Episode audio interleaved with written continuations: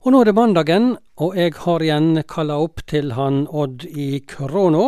Kunstneren og forkynneren Odd Dubland er på plass og venter på oppkalling via Teams eller Skype, som det heter, Odd.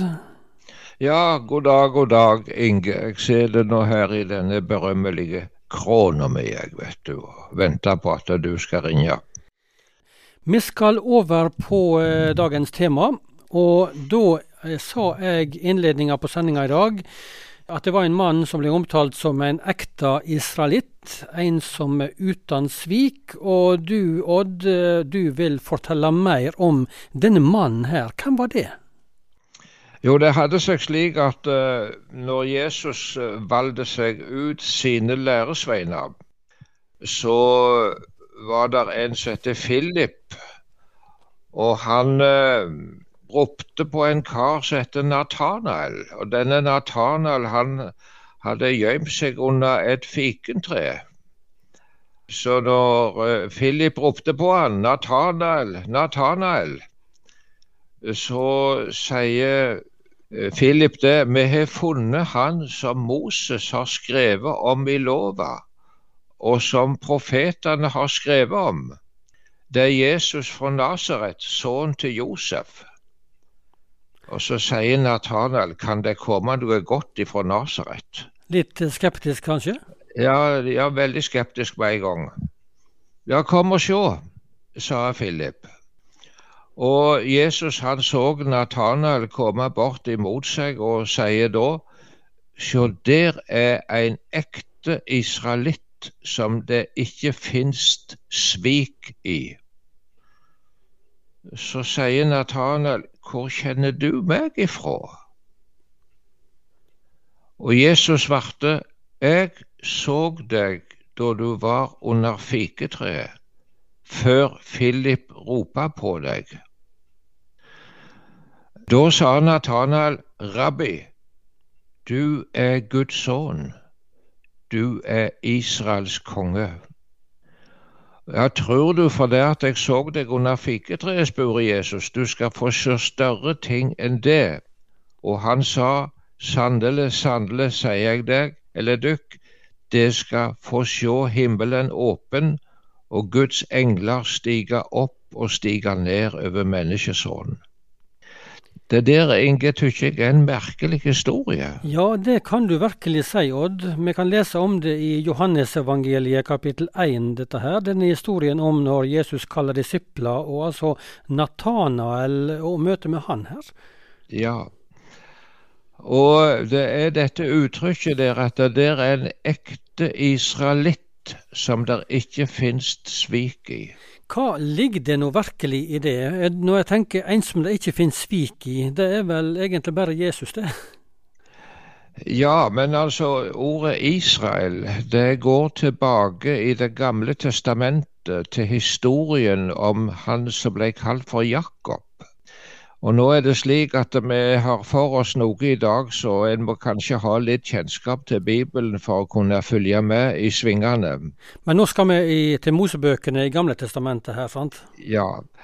Du ser det at uh, Esau og Jakob, det var sønnene til Isak og Rebekka. Og så var det slik at uh, Esau, han var eldst og hadde rett for så vidt på velsignelsen ifra faren på en spesiell måte. Og For det var slik at da gamle, den gamle far skulle, så at det gikk mot slutten av livet, så skulle han kalle til seg den eldste gutten. Og så skulle han eh, legge den høyre hånda på hodet hans, og så skulle han velsigne han på en spesiell måte. Og på en finurlig måte, som er litt uforståelig for oss, så klarte altså Jakob, broren, å lure til seg den velsignelsen. Og, det som skjedde da, var at Esau han eh, sa det at den dag vi begrever vår far, så skal jeg slå Jakob i hæl.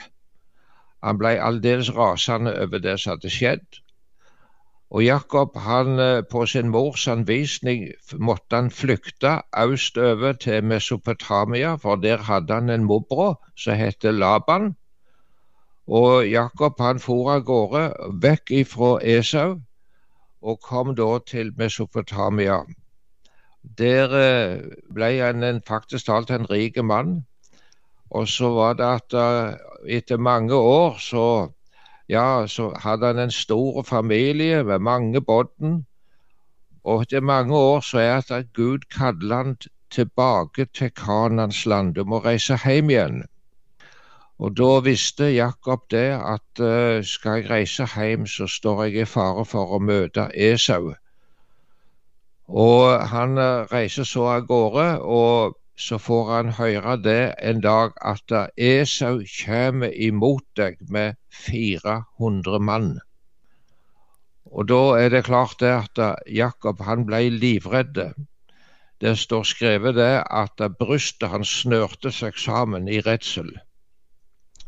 Han visste det at det var ikke bare hans liv som var i faresonen, men hele familien, alle båtene, alt sammen. Kunne, det, det, kunne bli en massakre. Og så er det de kommer fram til ei elv på denne reisa. Det var en enorm kvegflokk han hadde med seg. Så fløt han familien og alle dyra sine over elva. Men sjøl blir han aleine på elvebakken der om natta. Og den, eh, den, kvelden eller natta på Elvebakken, eh, hva skjer der? Ja, det skjer noe merkelig. Det kommer nemlig en mann til han. Og disse to på merkelig vis begynner å kjempe med hverandre. Og denne mannen han klarte ikke rå med Jakob, slik at han slo på hofteskåla slik at den gikk og ledd. Og Jakob hadde sikkert fryktelige smerter og og var lemlesta. Men han hengde seg tak i mannen, for Jakob forsto at denne mannen her har noe med Gud å gjøre. Og Jakob hengte seg tak i mannen og sier det at 'jeg slipper deg ikke før du velsigner meg'. Og så står det skrevet det at mannen spurte 'hva heter du'? Jeg heter Jakob. Altså her er Det noe mye mer enn grammatikk, altså. Her er spørsmål. Hvem er du? Hva er det som skjuler seg bak navnet ditt? Ja, ja. Ja, hvem er du, altså? Og så står det skrevet der at han svarte Jakob. Ligger, han legger liksom livet framfor denne mannen. Jeg heter Jakob. Alt er er vondt og vanskelig, det kom opp i dagen alt i hop. Og så er det at uh, denne mannen, han sier det til Jakob. Du skal ikke lenger heite Jakob men Israel.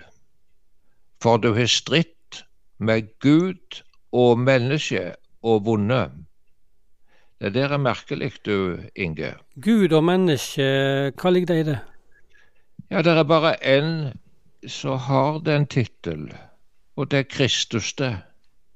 Det var egentlig han som Jakob møtte der på Elvebakken.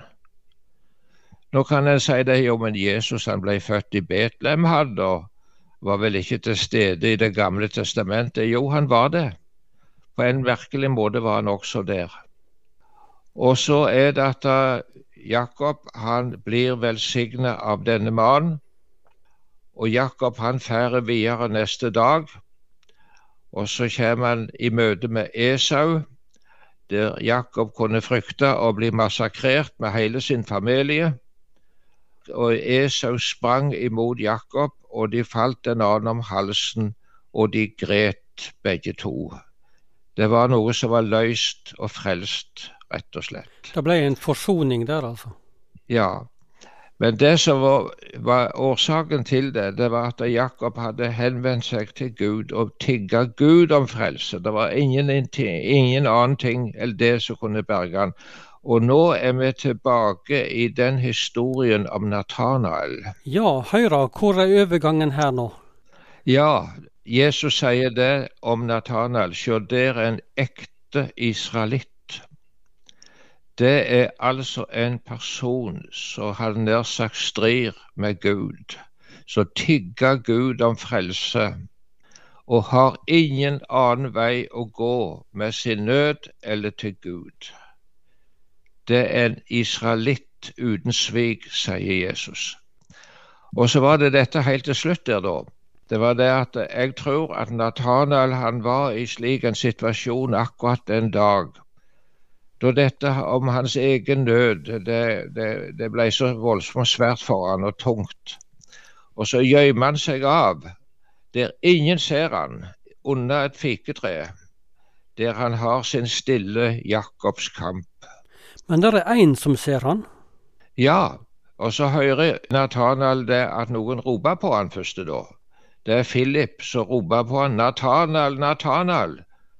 Og så kommer han fram og skjuler stedet sitt. Og så sier de det at vi har funnet han som Moses har skrevet om i lova, og som profetene har skrevet om. Det er Jesus ifra Nasaret, sønnen til Josef. Og så er det Jesus han ser Nathanael komme bort imot seg og sier, Sjå, der er en ekte israelitt så det ikke finnes svik i. Og så sier Nathanael, hvor kjenner du meg ifra? Disse to du Inge hadde ikke sett en annen før. Nei, jeg skjønner. jeg skjønner. De hadde ikke sett en annen. Og så sier Jesus, jeg så deg da du var under fiketreet. Og det her er vi inne på det som jeg hadde så lyst til å peke på. Det er det at Gud ser oss. Når vi ber til Han, så ser Han deg selv om du er gjemt deg under et fiketre, hadde han der sagt. Jeg så deg, sa Jesus. Og da er det at Nathanael bryter ut i en bekjennelse. Rabbi, du er Guds sønn, du er Israels konge. Det var bare noen enkle tanker i et litt vanskelig teologisk farvann som jeg eh, tenkte på om vi skulle snakke litt om i dag, du Inge. Ja, men da, Odd, vil jeg si hjertelig takk for at du tok oss inn i denne historien her. Jeg har ikke tenkt på dette på den måten du la det fram i dag, og dette var veldig fint å få, få med seg. Kan jeg si det en gang til, at uh, den som går til Gud og roper ut sin nød til Han, og om man gjemmer seg av og ingen vet det, så vet Gud om deg. Det er det som er budskapet i teksten i grunnen.